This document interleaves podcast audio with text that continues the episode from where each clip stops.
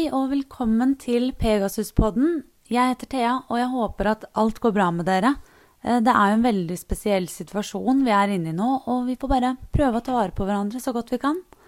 Og jeg håper at denne episoden kan bidra til å gjøre dagen deres litt mer underholdende. Eh, For jeg var jo så heldig og fikk besøk av Torstein Bugge Høverstad i studio, eh, nemlig oversetteren av Harry Potter. Og dette var før koronautbruddet var fullt i gang.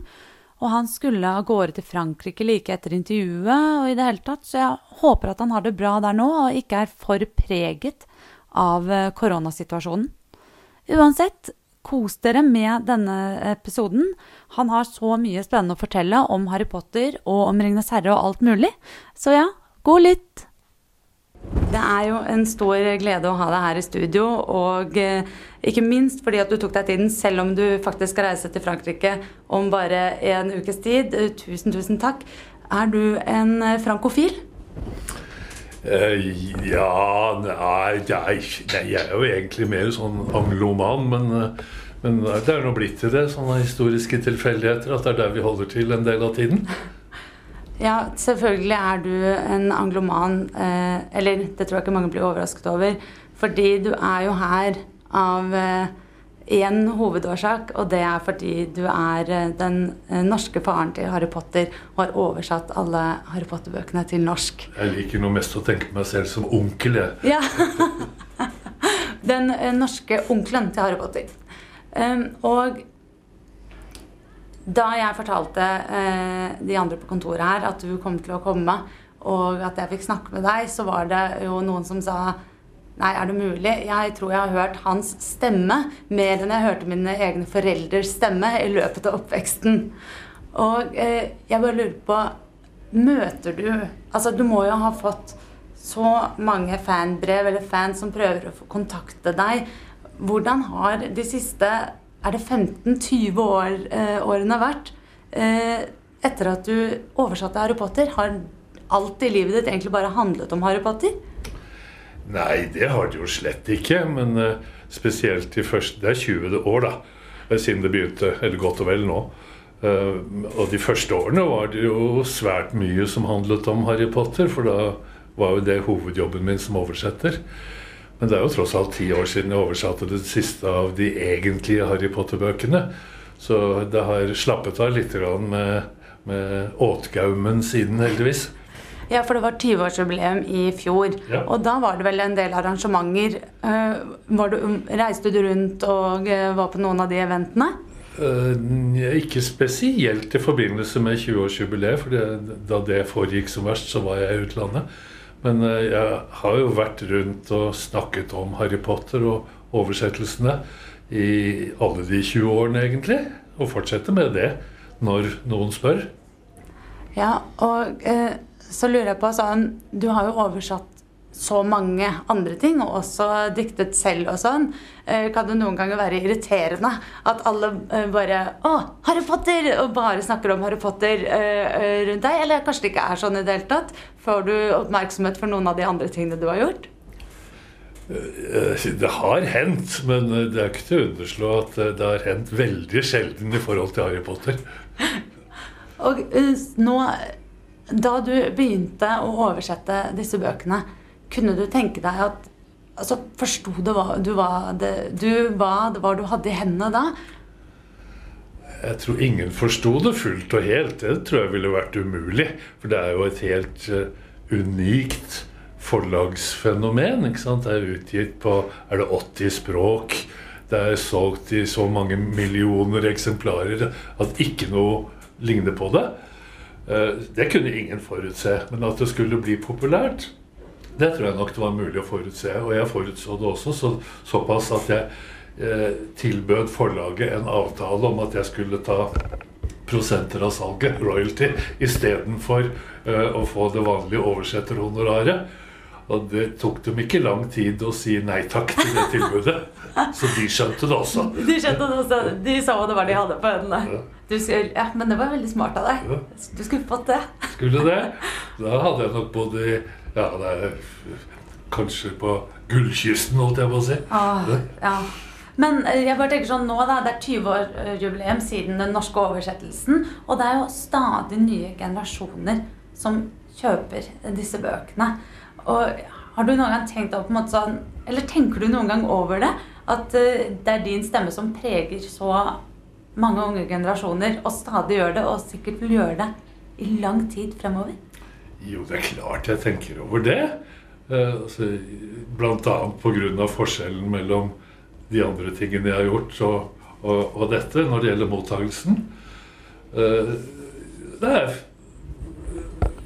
kjempespennende. Det er ikke noe annet ord for det enn at noen ting som jeg har hatt fingrene så nært ved, og for den saks skyld stemmen også, eh, at det har preget flere generasjoner av nordmenn. Eh, men Det er ikke bare det at det stadig kommer til nye generasjoner, men det er jo at de som ble preget av det for 20 år siden, som ungdommer da, de er jo fremdeles opptatt av det, veldig mange av det. Jeg, jeg har vært på sånne reunions her og der i, i i studentersamfunn og sånn, hvor det kommer folk med til dels grått i skjegget, som har vokst opp med Harry Potter. Det er jo det er helt utrolig, fordi det er jo sånn eh, jeg har tenkt på det da, når jeg har sett sånne intervjuer med typ kjendiser og sånn, mm. og så plutselig er de sånn kjempe-Harry Potter-fans, og så tenker jeg sånn Nei, men du er jo Hva mener du? Og så går det opp for henne at Å ja, vent litt. Du var jo ung da disse bøkene kom ut. Det er ikke sånn at du sier det for å være populær nå, liksom. Så nei, det, er, det er virkelig helt eh, Ja. Det er veldig gøy. Alle vi på kontoret har jo vokst opp på Harry Potter. Og åh, jeg kan bare huske å vente på eh, hver bok etter hvert. Hvor eh, intens den spenningen og gleden over at det skulle komme en ny bok, var. Og det må jo ha satt et ganske stort press på deg eh, i de siste hvordan, hvordan, var det egentlig? Og det skal jeg love deg, og det har bare blitt verre og verre. Eller det ble verre og verre. Eh, det vanlige når du får en bok i hendene, la oss si på et par 300 sider, det er at du har ja, noe sånt som tre måneder på den jobben å oversette den. Men eh, eh pga. diverse med forhistorie og sånn, øh, at det slett ikke var egentlig meningen at det var meg som skulle gjøre dette. Det, det var en tilfeldighet, eller bortimot. Øh, så fikk jeg halvannen måned på å oversette den første boka. Og da jeg sa ja til å gå med på noe så dristig, så hadde jeg jo slett ikke tenkt på at det var en uhorvelig mengde begreper, ord og navn i den boka som jeg måtte ta stilling til hva jeg skulle gjøre med. ikke sant? Det hadde jeg overhodet ikke tenkt på. Jeg hadde bare lest igjennom og syntes boka var god. jeg. Åh, ja. Det var, men det var en tilfeldighet at du fikk den? Ikke helt, for jeg har jo gjort andre ting før som gjorde at jeg var ikke et helt unaturlig navn i den forbindelse. Men det var en annen som hadde oppdraget med å gjøre det. Uh, og så var det det da at dette utgivelsesfenomenet som Harry Potter viste seg å være Det var jo ikke sånn til å begynne med. ikke sant? Til å begynne med var Harry Potter bind 1. Det var én ungdomsfantasybok blant hundrevis. Bedre enn de fleste, men ingen kan garantere at en god bok blir en suksess. Uh, så det hastet ikke sånn for det norske forlaget som skulle utgi det, til å begynne med. Og så plutselig, da de så hva som skjedde utover i Europa, så hastet det veldig. Ja. og da kunne ikke denne andre oversetteren, som egentlig hadde avtalen, eh, bare snu i, i, midt i løpet. ikke sant? Han satt midt inn i en annen jobb. Så de ble enige om å skilles, de to. Forlag og oversetter. Og så måtte de spørre nummer to i rekka. Det ble meg. Nei, er det mulig? Ja. For jeg vet jo ikke hvem den tiltenkte oversetteren var, men jeg tenker jo nå at jeg puster lettet ut når jeg hører at, at det skjedde sånn. Det gjør jeg også. Fordi, fordi, uten det Altså, dine navn og ord og uttrykk, som du sier at du fikk et fjell av begrep uh, å ta for deg, uh, de er jo magiske. Uh, humlesnurr. Hvordan, hvordan kom du opp med humlesnurr? Da må jeg nok ta en omvei hvis jeg skal svare på det. For det det, det, første og viktige spørsmålet uh, allerede sånn dagen etter at jeg hadde sagt ja til bind én, det var jo Skal jeg gjøre noe med disse navnene i det hele tatt, eller skal de stå på originalspråket? Og det var jo helt tydelig at uh, en del av personene, langt fra alle, hadde navn som på en eller annen måte fortalte noe om personen. ikke sant? Eller plasseringen av personen. Uh, og det med andre ord ga en slags merverdi til lesere på engelsk som ikke behøvde å skjønne alle sider av det, men det, liksom, det klang riktig i, i, engelske leseres ører. Hun hadde vært veldig flink på å finne på sånne navn. Rowling. Og jeg syns jo det ville vært fryktelig synd om ikke norske lesere skulle få en tilsvarende opplevelse. ikke sant? Om de skulle ha engelskklingende navn. Ja vel, ok, så hadde de det, og da ville det vært som hvilke som helst andre engelskklingende navn. De ville ikke ha gitt norske lesere noe mer. Så jeg fant ut at jo, det måtte være riktig å kalle det oversette navnet. Det var jo ikke det jeg gjorde, men å finne på noe som ga den samme effekten, da. Eh, så for sikkerhets skyld så spurte jeg forfatteren, eller det var det jeg hadde tenkt å gjøre i hvert fall. Jeg sendte en e-post, men jeg hadde jo ikke e-postadressen hennes, så jeg sendte den til forlaget, eller agenten. Og fikk et snørrhovent svar tilbake fra en, ikke agenten selv engang. Altså, det var yngste kontordame på kontoret der, et eller annet sånt, som sa at 'det skal du ikke bry deg om, lille, de bare De heter det de heter, de'. Ikke sant? Å ja vel, ja. Aha. Så det var bare egentlig nei? Ikke... Det var nei. Det var blankt nei, det. Så det endte med at jeg bestemte meg for at den e-posten hadde jeg ikke fått. Mm. Og dermed ble det som det ble. Nei, er det sant? Ja. Så du bare svarte ikke? jeg var enig med det norske forlaget om at det var en god idé. Eh, men eh, jeg, jeg tror ikke jeg nevnte noe om den e-postvekslingen til dem. Og nå er det for sent. Nå... nå er det for sent å gjøre om på det. Eh, men det jeg da ikke visste, var at det skulle jo være en himmelsk hærskare av sånne navn gjennom sju bøker. ikke sant? Tenk deg hvordan det er når du får første bind av planlagt til sju, men ikke vet noe om de andre seks. ikke sant? Det er som å skulle oversette en bok hvis du bare har fått lov til å lese første kapittel. Du aner ikke åssen det går.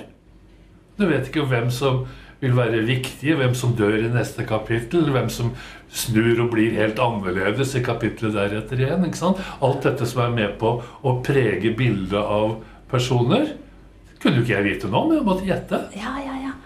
Og, eh, og, og, det er jo som eh, mange har snakket om også, der med at den første Harry Potter-boken eh, den er jo mer en barnebok enn den siste, kan man si. Altså, Bøkene utvikler seg jo også enormt i, i hvilken aldersgruppe de er skrevet for. da. Og Det... Helt, sant, og det er jo noe av det som gjør at dette er blitt en så kjempevellykket serie. Det er masse å plukke på i den serien. altså De siste bøkene er altfor tjukke. Det er for mye fyllekalk som kunne vært strøket og sånn, syns jeg. Men, men, det spiller ingen rolle, fordi hele rammen er så genialt tenkt. Og nettopp dette at bøkene følger personenes utvikling, er jo kjempespennende, da. Ja, det er jo så gøy. Altså, jeg var så heldig at sånn, da jeg var 13 så kom bok nummer 3 ut. Mm. 14 nummer 4. Altså sånn, vi følte jo at vi ble Vi ble jo tenåringer med mm. Harry Potter mm. og gjengen. Og nei, det var bare fantastisk. Men eh, da, Unnskyld at jeg avbryter, ja. men det er jo en av de tingene som gjør meg litt trist på nye leseres vegne. ikke sant? At de får jo aldri Noen, noen ingen får muligheten for å oppleve det samme som dere fikk. ikke sant? Oh, den gleden av å mm. vente! Du aner ikke. Du, jeg, jeg har hytte i Tvedestrand, og jeg husker at uh, jeg, pappa måtte kjøre meg i båt til Arendal for å få tak i uh, bøker. Og hver gang det kom noe nytt, det var helt utrolig. Det var jo det var kun Harry Potter som sto på ønskelisten til jul. Kun for å få Og man skulle jo ha alle bøkene i alle former og fasonger. Og så Tvedestrand som er bokbyen, da, men du hadde ikke tid til å vente på at det skulle komme på antikvariatet. Ja, Så du har vært der? Ja, vi hadde hytte der. Nei, er det sant? Ja. hvor da? På Borøya. Nei! Ja. Er det mulig? Vi er rett overfor Furøya, vi. Ah, ja. Så vi ser det gule, store ja. trauset. Morsomt. Men jo, tilbake til det originale spørsmålet. Hvordan kom du på navnet Humlesnørr? Ja, det er sant. Eh, da forklarte jeg jo bakgrunnen. At eh, navn Altså ikke alle navnene i Harry Potter, men hovedpersonenes navn, de fleste av dem, eller alle dem egentlig, har en eller annen form for bibetydning i tillegg til liksom bare det bokstavene navnet består av, som er med på å karakterisere personen. Og da må man jo først, selvfølgelig, hvis man bestemmer seg for å gjøre noe med dem, som jeg gjorde, finne ut hva er det som ligger i det. Ja? Og han heter jo på engelsk hva da? Dumbledore? Dumbledore. Hør på klangen i det der. ikke sant? Det, er, det, er, stil og, og tyngde over det navnet. Han passer godt som et rektornavn. Ja. Eh, så det måtte jeg beholde på en eller annen måte. Kunne ikke kalle ham Olsen. Kan? Eh, og, og, så er det det altså på, på, på, på Hva var det som ligger i det navnet? Det er ikke et det er ikke et oppslagsord du kan slå opp i et engelsk eh, dictionary. Men det viser seg, fordi jeg har masse forskjellige oppslagsbøker, og har tilgang til enda flere, at det fins i skotske dictionaries. Det er altså et uh, skotsk dialektord, eller nordengelsk-skotsk dialektord, som betyr akkurat det samme som det engelske 'bumblebee', som alle vet hva er. ikke sant? Og hva er det? En humle. En humle, rett og slett. Han heter Humle, men han heter det med et mye flottere ord. Nei, ja. det her visste jeg ikke. Nei, Det ville du ikke visst heller hvis han hadde latt ham hete Dumbledore. Nei. Ja. Men hvorfor heter han Humle? Hvorfor har forfatteren funnet det bryet verdt om å døpe en mann Humle? ikke sant? Og akkurat denne mannen? Ja. Nei, det måtte jeg spekulere på, da. Og, så, og, husk da at dette var gjetninger fra starten av et nytt verk. ikke sant? Ja. Uten, eller med veldig få holdepunkter. Men det var jo veldig tydelig at um, dette var en nokså sånn sær og rar mann med masse hemmelige sider. ikke sant? Han viser ikke frem hele seg, den mannen der. Uh, og så, ja, humle, humle. Hvorfor, hvorfor humle? Eh, så har jeg spurt rundt omkring i skoleklasser og på biblioteket. Altså, hva forbinder dere med når dere hører ordet humle? Og eh, så sier noen stikke, noen sier lodden. Eh, det kommer forskjellige forslag. Men et av fellestrekkene ved nesten alle sånne forslag til løsninger, det er sommer. ikke sant? Det er det, er det fenomenet som bare opptrer om sommeren. Du ser jo aldri en humle om vinteren. ikke sant? Nei, nei. Og det er nettopp alle disse andre tingene. Det kan stikke, men veldig få har blitt stukket av en humle. Det skal mye til. ikke sant? Men ok, det er en viktig beskjed at den kan. Så er den litt sånn, ja, lodden, litt godslig, men øh, også brummer den, ikke sant? Det gjør den. Det er mange ting der som er med på å gi et bilde av noe. Og det primære der, tror jeg, hovedtingen med det er at den gir bilde av noe de fleste forbinder med noe godt. Ja. Man er jo glad i humler. Nemlig. De aller fleste er det. Ja. Jo, I en bok eller en serie bøker som helt opplagt handler om striden mellom det gode og det onde, så har forfatteren bare ved valg av navnet gitt en beskjed om at han her, han er jo på den gode siden. Han kan ikke være en skurk. Eller hvis han er en skurk, så er han en, en falskner og en løgner også. Ikke sant? Ikke bare en vanlig skurk. Men det, det er sannsynlig at han tilhører de gode. Ja, Åh, det har du helt rett i. Men jeg får enda mer den følelsen av humlesnurr enn Dumbledore. Ja, det med, det med snurr tenkte jeg altså humle, Humlesurr ble jeg fort stående med, ikke sant? Men den var litt enkel, kanskje. Og nettopp det at dette er en mann med liksom skjulte sider. Det er, det er en vri på nesten allting med ham. ikke sant? Ja, om man vrir på det navnet, da, sånn med snurr istedenfor surr, så får man beholdt lyden, men uh, man får liksom den tilleggsdimensjonen at det er noe som er litt sånn noe vridd og rart ved. Ja. Jeg skulle jo spørre hvor, eh, hvor, du finner inspirasjonen til navnene dine, men jeg skjønner jo at det også ligger utrolig mye eh, research eh, bak. da. Ja. Altså Når du finner gamle skotske eh, navnebetydninger, har du vært sånn med nesten alle navnene og begrepene? Nei, langt fra alle, men uh, hun har jo jobba i Skottland. Og er vel fra Nord-England selv, tror jeg. Eh, det er jeg ikke helt sikker på, forresten. Nei, jeg vet at hun var i Skottland ja. en lengre periode. Ja. Og det var der, hun, der hun begynte å skrive. I hvert fall hun satt på sånn pub i, i Edinburgh. En historie i seg selv, da. Hennes ja, livshistorie. Rags to riches. Ah, ja, virkelig. Det, det er visstnok en gravplass der i, i, Skottland hvor du kan finne igjen inspirasjon til en del av navnene hun uh, skrev, uh, har skrevet inn i boken også. Ja vel. Ja. Det vet ikke jeg nå, men det utelukker jeg ikke. Hun har jo samlet opp kunnskaper overalt fra. ikke sant? Hun vet utrolig mye, den dama. Jeg er imponert. Og historie, mytologi, språk. Og så har hun den der vidunderlige egenskapen som de beste lærerne har, at hun er en naturlig pedagog. ikke sant? Hun er ikke en pekefingerpedagog. Det, det får komme av seg selv. Ja, jeg, for en, ja, det er helt utrolig å tenke på. Mm. Uh, dette universet hun har hatt inni seg, og som hun sikkert har utviklet med årene også. Det var jo ett år hvor det ikke kom en Harry Potter-bok. Nei, det var flere. Ja, ja, det var i hvert fall to ganger. Man måtte vente to år. Hvordan var det for deg? Ja, jeg ble jo sittende og tromme med fingrene. For det var, det var, jo en del av forståelsen med forlaget at jeg skulle være disponibel i det øyeblikket det kom en ny bok. ikke sant? Og, og, ja, Jeg nevnte det med den korte tiden for den første, men det, det, ble jo ikke noe bedre. Men nummer to og tre kanskje ble det litt bedre. Og det begynte å nærme seg vanlig sånn oversetter-tidsramme. Eh, men etter hvert så ble jo dette her så enormt pengebefengt, hele Harry Potter-universet, at ja, alt dreide seg om å få pumpa mest mulig penger ut av alt. ikke sant?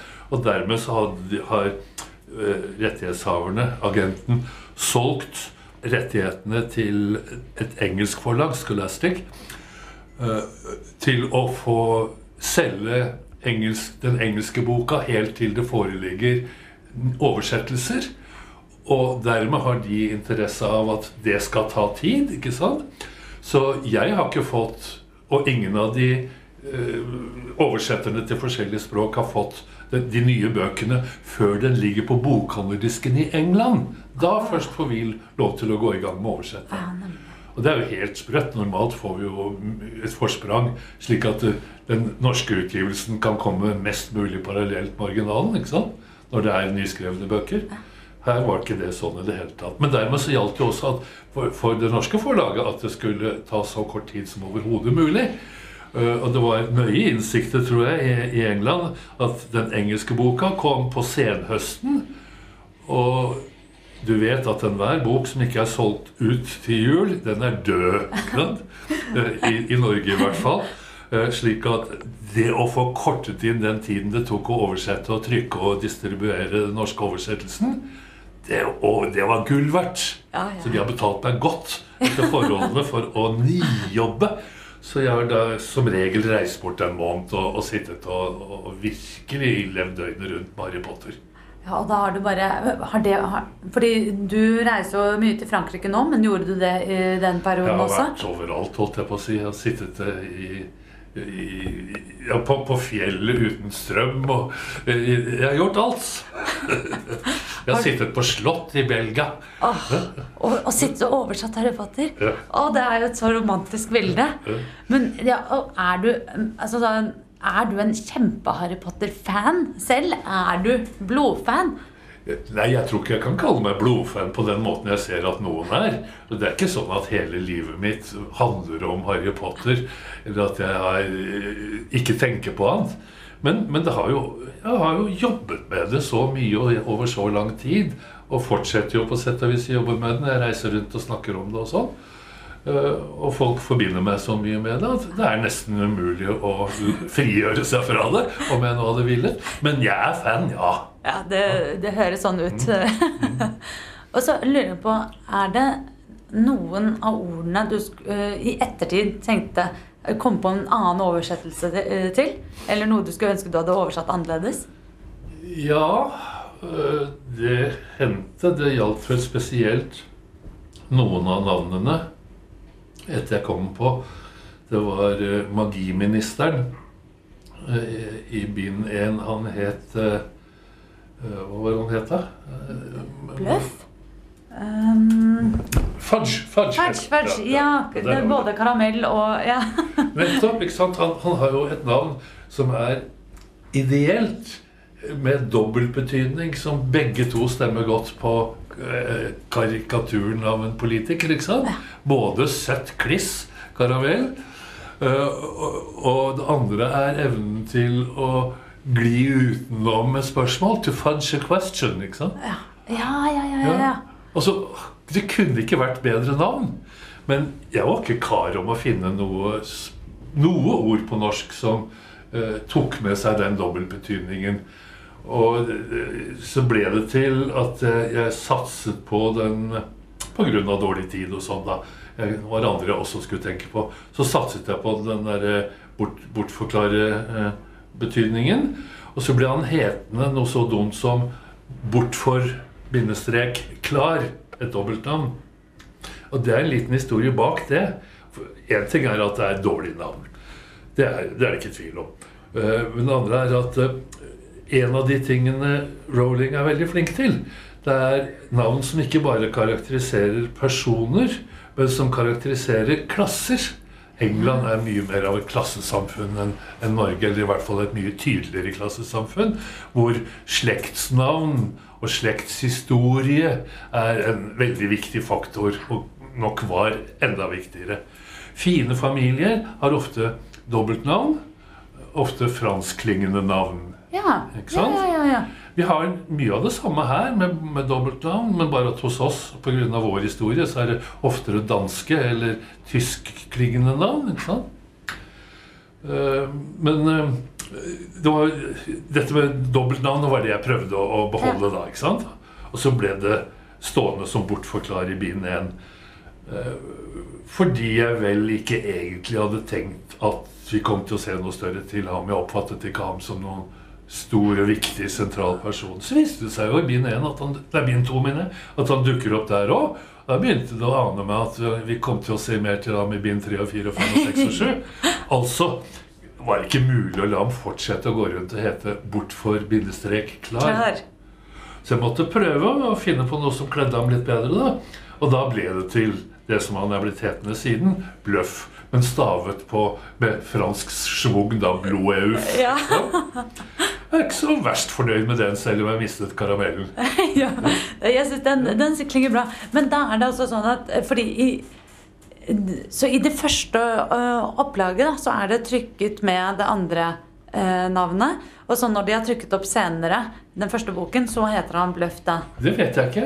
Altså, jeg, jeg har et inntrykk av Dette har jeg ikke kontrollert, men jeg har, har et inntrykk av at de ikke har gjort noe voldsomt arbeid på forlaget med å gå tilbake og rette opp ø, ø, feil fra i går. Eh, Så jeg, jeg tipper at han heter Bortforklar fremdeles i bind 1. Men altså, det er jo ikke verre enn at jeg mener ministre blir skifta ut. Til stadighet. Til stadighet. Um, jeg vet jo at du har oversatt og skrevet mye annet, men vi må bare fortsette inni Harry Potter-sporet en liten stund til. Og det er fordi vi lurer også veldig på hvilken av Harry Potter-bøkene som er din favorittbok. Mm. Og hvorfor. Ja, det kan jeg faktisk svare på. Det er fireren. Ok, Hvorfor det? Fordi det er der hele serien snur om sin akse og går fra å være en barneserie til å bli en begynnende voksenserie. Det er der alvoret kommer inn. Der dør en person som vi har lært å sette pris på. ikke sant? Det er, det er ikke moro lenger. Eller det, fortsetter å være, selvfølgelig. Det er masse moro helt til slutt. Men, men det er ikke bare moro. Nei, jeg, husker også eh, da den fireren kom. For det første, bare tykkelsen på den var jo svært eh, oppmuntrende, kan man si. Ja. Men ja, det, det er vel det er akkurat som du sier, at den endret tempo eh, veldig i den eh, fireren. For eneren og toeren følger jo litt en oppskrift, eller toeren følger litt samme oppskriften som eneren. Nei, det, det, er, det er veldreide, men ukompliserte bøker over en oppskrift. Men med fireren så tar hun mål av seg åpenbart til å, å, å, skrive en ja, Kall det en roman da, for ungdom. Så en som gir fylde utover bare omrissene. Og hva med karakterene i serien? Har du en som du eh, heide på da du leste den selv? Ja, eh, hei, heiet og heiet, men altså det er den som alltid har opptatt meg mest av dem, det er nok Slur. Ja. Ante du, da du leste eh, bøkene i begynnelsen, ante du at det lå noe mer der? Ja, Ja, du gjorde det? Ja, jeg hadde en anelse. Han var malt med så stygge svarte strøk i de første bøkene at jeg, jeg trodde ikke det var mulig å, å, å, holde på gjennom sju bøker. Så ble tjukkere og tjukkere. Jeg måtte ha flere sider. Så du, du, du kjente det litt eh, fra før? Jeg husker jo som barn, og han var jo bare den verste man kunne tenke ja. Altså med fett hår og Ja, ja, ja. Nei, det var jo eh, Nei, det var Du så nok det før mange andre lesere, vil jeg tro. Jeg hadde jo liksom en grunn til å lese den nokså grundig, da. ja. Og eh, vil, eh, hvis du skulle vært i et Harry Potter-hus, da, eh, hvilket av husene hadde du vært i? Hvis du skulle Jeg tror nok det ville vært uh, Håsblås, jeg.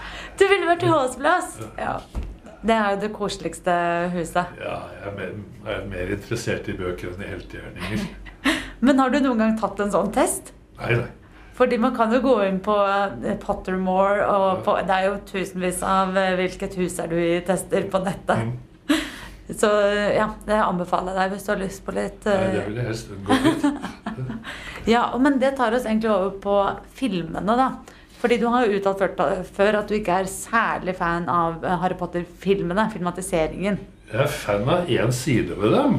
Bortsett fra at det er noen gode skuespillere. Sånn Slur, for eksempel, er jo en flott figur på filmene.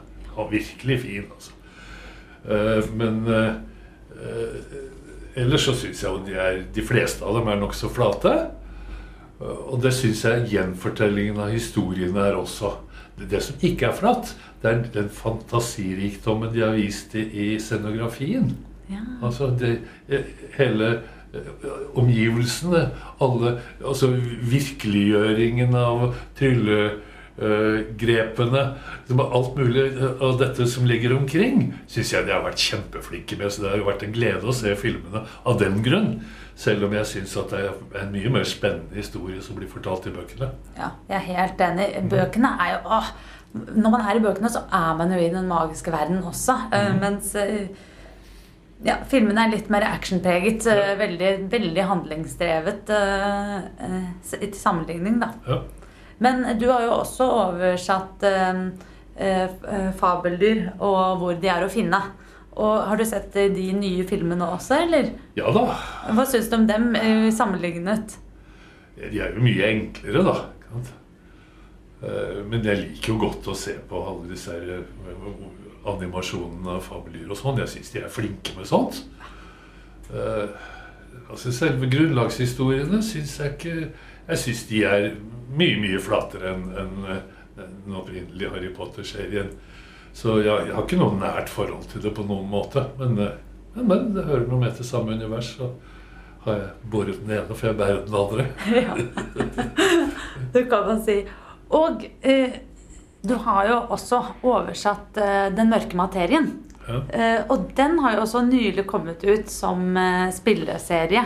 Har du fått like mye trykk uh, pga. den oversettelsen og fans av den bokserien og sånn, som Harry Potter? Nei. Eller er det mye roligere? Og mye roligere. Det er, altså, det er, er ikke blitt en, en, en craze på, på noen sammenlignbar måte. Men er du like, på en måte like glad i det universet som i Harry Potter-universet, eller går det an å sammenligne det? Det er vanskelig å sammenligne. Altså, det er, eneste de egentlig har felles, er jo at det er fantasy, men eh, det er et stort felt. For der, ja, for jeg tenkte litt på det. Altså sånn, eller som vi har snakket om, da, det der med Du lever jo i den verden når du oversetter, og må jo bli ganske glad i disse karakterene og bry deg mye om dem. Så da Lyra eh, i Den mørke materien kom inn i livet ditt, eh, fikk du noen sånn assosiasjoner til Harry Potter eh, da?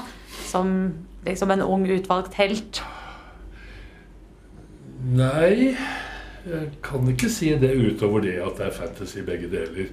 Og at de er unge. Altså, men det er jo et standardgrep som går igjen i nesten alle sånne bøker. Så det, det, det, binder dem ikke til hverandre på noen måte.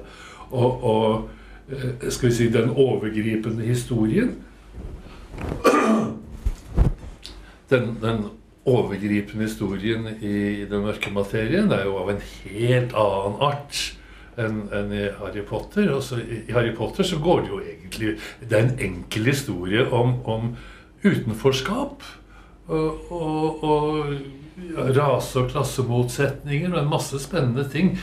Eh, Og så selvfølgelig trolleriene, da. ikke sant? Men til å begynne med i hvert fall så er jo dette, disse trolleriene mest staffasje. Utenpå klistra. Det er, det er morsomme, morsomme illustrasjoner. etter hvert blir det jo litt viktigere, fordi det dreier seg om viktigere ting med liv og død på, mot slutten. Eh, Men det er jo fremdeles litt sånn Det er ikke meningen at du skal tro på at eh, hvis du kan den trylleformelen, så vil du levitere. Mens i, i, i um, den mørke materien så dreier det seg jo egentlig om å komme til forståelse av hvordan verden egentlig er skrudd sammen. Altså denne fantasiverdenen egentlig er skrudd sammen. Og at den er det, er det er et stort alvor bak, ikke sant? Som, som eh, på en måte er litt mer abstrakt enn enn det er i, i alle påfødende i Harry Potter.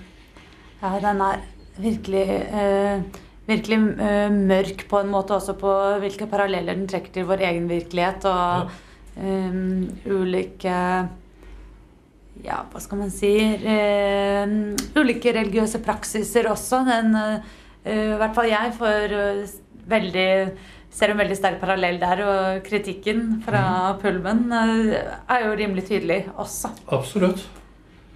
Eh, og så er det en ting til med den, eh, den mørke materien som jeg syns er et strålende kunstgrep, som visstnok kom tilfeldig, har Pullman sagt. Eller nokså tilfeldig. Det er den hele dette grepet med eh, demonene. Ja! Den ideen om at hvert menneske har en slags sånn ytre fylje eller sjel i anførsel. Ikke, i religiøs betydning, men en del av personens natur. Ikke sant? Som er omskiftelig mens du er barn, og som etter hvert stivner når du blir voksen. Ikke? Og, og tar dy, i dyreform, men, men som samtidig er, er intelligent. Det er jo en del av deg. Samtidig som den er selvstendig, og du kan snakke med den. ikke sant? Krangle med den. Jeg syns det er en helt genial idé. Det er jo en drøm, da. Tenk, Ja. å, ha en, Ja. eh, ha, tenk å ha en sånn. Hvem har ikke ønsket det? Åh, nei, jeg, jeg har åh, jeg, jeg husker da jeg leste boken. Ja. det var vel på ungdomsskolen.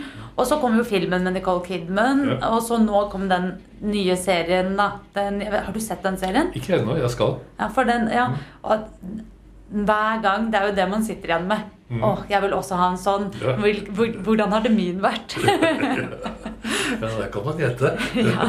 Har du gjettet på hvordan eh, Nei, det ville vært? Nei, nei, det har jeg, det har jeg unngått. Men ja, men før, eh, før Den mørke materien og før eh, Harry Potter, så var jo du også den norske stemmen til Ringenes herre. Nei, ikke den norske stemmen, men Nei, den norske pennen. pennen. Ja, det kan man si. Ja. Så, eh, og, men det er jo lenge siden du oversatte Ringenes herre. Når, 79-80. ja, da, eh, og var det, var det ditt eh, Hva kan man si? Var det sånn du kom inn i Altså, du er jo fantasy-fabelprosaoversetteren eh, i, i landets store fabelprosaoversetter. Det står vel ikke til å nekte. Nei, og var det, begynte det hele med da med Ringenes herre i 79? Ja, ikke helt. Altså, jeg hadde oversatt litt sånn science fiction og, og fantasy på forhånd også, men ikke de store klassikerne som jeg har fått flaks nok til å gjøre siden. Oh, men, uh, hvordan, men hvordan kom du inn i uh, Hvordan kom du inn i det feltet? Altså, hvordan fikk du Ringenes herre? Jeg var jo fan, da. Uh, Og hadde gjort en del oversettelser for Tiden Norsk Forlag. Eh, Og da eh, Da det ble aktuelt å oversette 'Ringenes herre' til norsk, så meldte jeg min interesse. Eh, Men det ble ikke til at jeg fikk opp, det oppdraget. Det var en som het Nils Wernskjold, som er en utmerket forfatter og også helt streit oversetter. Eh, og så viste det seg at Nils, som jeg kjente ganske godt, var minimalt interessert i, i det verket der. Det var ren brødjobbing for Nils. Eh, og dermed la han tilsvarende lite arbeid i, i eh, Hva skal du kalle det? Å gjøre det en norsk utgave som mest mulig sømløst sluttet opp under originalen. Han oversatte kompetent og greit, men la ikke mye sjel i det, for å si det sånn. Eh, Og, en av tingene som var påfallende, det er jo der det begynte for mitt vedkommende, det var dette med navnene. Ja. Det, er jo, det, det er jo bare én folkegruppe av de mange i 'Ringenes herre' som har navn hvor det i det hele tatt er aktuelt å tenke på å oversette navn. Eh, det er hobbitene. Alle andre skal ha de navnene de eh, har i utgangspunktet. Det har, har Tolkien selv uttalt seg helt strengt om. At eh, når det gjelder hobbitene Altså alt som har engelsk rot, om du vil, det skal oversettes til vedkommende oversettelsesspråk. Alle som ikke har det, det skal stå som det står. Nils hadde altså f.eks. oversatt uh, uh, familien eh, Baggins med sekker. Ja. Se, sekker. Ja. ja. denne oversettelsen kom også var, var det hele navnet? Familien Sekker? Familien Sekker. Å oh, ja. Ok. Ja, nemlig. Ja. Og så ble det da til dette opplaget som kom inn rundt 1970. Det ble utsolgt, og det var snakk om at serien skulle nyutgis. Eh, og da var det spørsmål om Fordi forlaget hadde fått veldig mye sint post fra, fra troende Tolkien-lesere eh, som var misfornøyd med denne oversettelsen. Hva skulle de gjøre? Skulle de fikse på Nilses oversettelse? Frisere den litt? Eh, eller skulle de trykke den som den var, eller skulle de få en ny oversettelse? Og dette er jo et tjukt verk. ikke sant? Det er 1000 sider. Og det er, ikke, det, det er ikke, Selv om oversettere ikke er spesielt fett betalt, så gjør det seg ikke selv. Og det er ikke gratis å oversette 1000 sider. Så de tenkte jo lenge på dette, da. Og så spurte de meg, siden de visste at jeg var interessert, om jeg kunne gi et råd om hvordan de skulle stelle seg. Og så sa jeg at så vidt jeg kunne skjønne, så var det bare to valg, egentlig. Det ene var å bare utgi det som det var, glemme alle disse sinte brevene. Og det andre var å få en ny oversettelse. For det å, å frisere på en eksisterende oversettelse, det ville aldri bli tilfredsstillende. Nei. Ja, Så tygget de på det en stund, og så sa de at ja, vi har bestemt oss for at vi skal ha en ny oversettelse. Vil du gjøre det? Og jeg hylte jo ja i telefonen, ikke sant? Men før det gikk opp for meg at dette var litt sånn sært at for det første skulle jeg altså da uttale meg som konsulent, og plutselig så sitter jeg der og får jobben. Så jeg snakket med Nils og sa at sånn er det altså blitt. Så hvis du syns at dette var en kjedelig sånn dobbeltposisjon, så får du si det nå. Så sier jeg nei takk. Nei da, sa Nils. Jeg har fått pengene mine, så jeg er jeg vel, vel fornøyd. Helt greit. Ja. Og da syns jeg at jeg hadde god nok samvittighet at jeg kunne si ja. ja. Og det har jeg jo ikke akkurat angra på.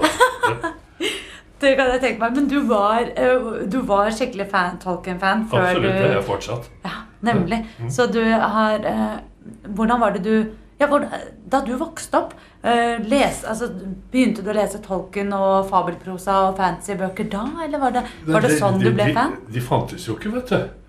Eh, den kom på, på engelsk første gang i 53. Eh, da var jeg ja, altså, Da var jeg ni år, da, riktignok. Ja. Men jeg leste ikke engelske bøker da. Nei, du leste ikke det. Og så kom de Grunnen til, til eh, populariteten var jo at det ble utgitt en sånn piratutgave i, i USA på 60-tallet, midt under studentopprøret og sånn, hvor dette ble sett selvfølgelig som kampen mellom det gode og det onde. Vietnamkrigen og krigerne på den ene siden og alle oss gode på den andre. Ja. Eh, så det var ikke rart det ble populært da. Men, men da, da, solgte det jo som akkamøkk, da, som det het. Og det var i den forbindelse at eh, den første norske oversettelsen kom. Eh, det, det har jo roet seg siden da, så liksom dette sammenligningen med tidsbildet rundt, den er ikke like sterk nå. Nå, nå må det liksom stå eller falle som, som uh, diktverk. Mm. Det syns jeg jo det gjør. Ja, uh, absolutt. Uh, når var det de filmatiserte 'Ringenes herre'? Det var 2001, var det vel den første filmen? Jeg husker aldri årstallet, så det, det, det, kan jeg ikke svare på. Jeg trodde det var litt senere, men det kan godt være at du har rett. Men da var... ja, ja, det har jo vært mange forskjellige filmatiseringer. da. Ja. Det har jo vært en elendig tegnefilmfilmatisering, eh, f.eks. Du, ja, du har sett den? Ja, ja. Når, når var det du så den? Da den kom, eller? Ja, ja. ja. Og du, hva tenkte du da? Du bare slo deg for pannen? Fy og fy. Ah, nei, men eh, fordi jeg husker at eh, Da de eh, Peter Jackson sine filmer kom, så ble det jo en kjempestor oppblomstring rundt disse bøkene. Absolutt. Ja. Jeg syns de var gode. Jeg syns de filmene var langt, langt bedre som gjengivelse av et diktverk enn Harry Potter-filmen av det universet. Ja, jeg, jeg, jeg er veldig enig. Jeg syns at det, de tre eh, Ringenes herre-filmene har gjort en eh, fantastisk jobb med å beholde mye av magien Mm. fra, eh, fra bøkene. Eh, Hobbiten-filmene derimot eh, Dem har jeg ikke sett, faktisk. Nei, eh, jeg skal ikke personlig anbefale de. Men det er jo noe med at hvis man så vidt får plass til 1000 sider på, på tre helaftens filmer, så skjønner jeg ikke helt hva, hva man skal med tre filmer for å få plass til en liten lefse. Nei, nei det, det sier noe her. Jeg tror det treffer spikeren på hodet. For det er vel det mange av oss eldre ja, Eldre gåstegn. Eldre, Ja. ja. Eldre gåstegn seere eh, tenkte da vi så eh, denne triologien med så mye Nei, nå, nå må jeg arrestere deg. Det heter ikke triologi. på film. Det heter ikke tri triologi noen ganger. Det heter trilogi. Du blander sammen med en trio, ikke sant? Ja, Ja. takk. Se her. Det her nå lærer, lærte jeg faktisk noe nytt i dag også. Men jeg vil gjerne høre litt mer om din oppvekst, eller på en måte hva var det som Hva var det som dyttet deg inn i oversetterverden? Og også så lurer jeg på ja, Nå er det to spørsmål på en gang her, men en ting som jeg lurer på, er om du hadde en sånn aha-bok som det både Harry Potter og også Ringenes herre har vært for mange. da. Den boken som bare virkelig skaper leselyst. Hadde du en sånn opplevelse i løpet av din oppvekst? Jeg tror ikke egentlig det. Ikke én. Men jeg leste veldig mye, og det gjør jeg fortsatt. Så jeg har jo hatt aha-opplevelse på aha-opplevelse. Det har liksom ikke vært ende på dem. Nei. Men jeg tror det første fantasy jeg leste, det var når jeg var på besøk hos min eh, farfar. Og når de voksne skulle drive og snakke om sitt, da kan jeg ha vært hva da, 10-12 og sånn, så kunne jeg forsvinne inn på loftet og lese i gamle bunker av illustrert familieblad fra mellomkrigstiden, hvor det var helsides eh, føljetong med Lyn Gordon. Der, den har ikke jeg, det har ikke jeg lest. Nei. Alex Raymonds uh, Lyn Gordon. Å, kult. Og, altså På den tiden han het det, da. Før han ble Flash Gordon på, på norsk også. Ja, nemlig. Og, så da sto det på en måte Gjennom alle magasinene så kunne du følge Ja. den samme historien. Og det var fantasy. Ja, ja, det, altså, det var jo fantasy av beste merke, det. det var, tok seg ikke bryet med å være sannsynlig, men det var ikke poenget heller. Og sånn ble du en fantasy-fan. Ja, jeg har i grunnen aldri hoppet av fra det. Nei, det er jo Ja. Man må, man må jo eh, nærmest være en fantasy-fan når man eh, oversetter både Ringenes herre, Harry Potter, 'Mørke materien' og etc. Det hjelper. Ja.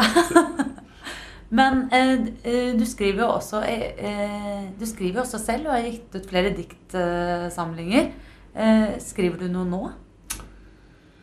Ja, jeg gjør i grunnen det, men etter veldig langt opphold. Så hva det blir til med det, det vil nå tiden vise. Ja, du har ikke lyst til å avsløre noe ennå? Nei, jeg har ikke noen drastiske avsløringer å komme med her og nå. Nei.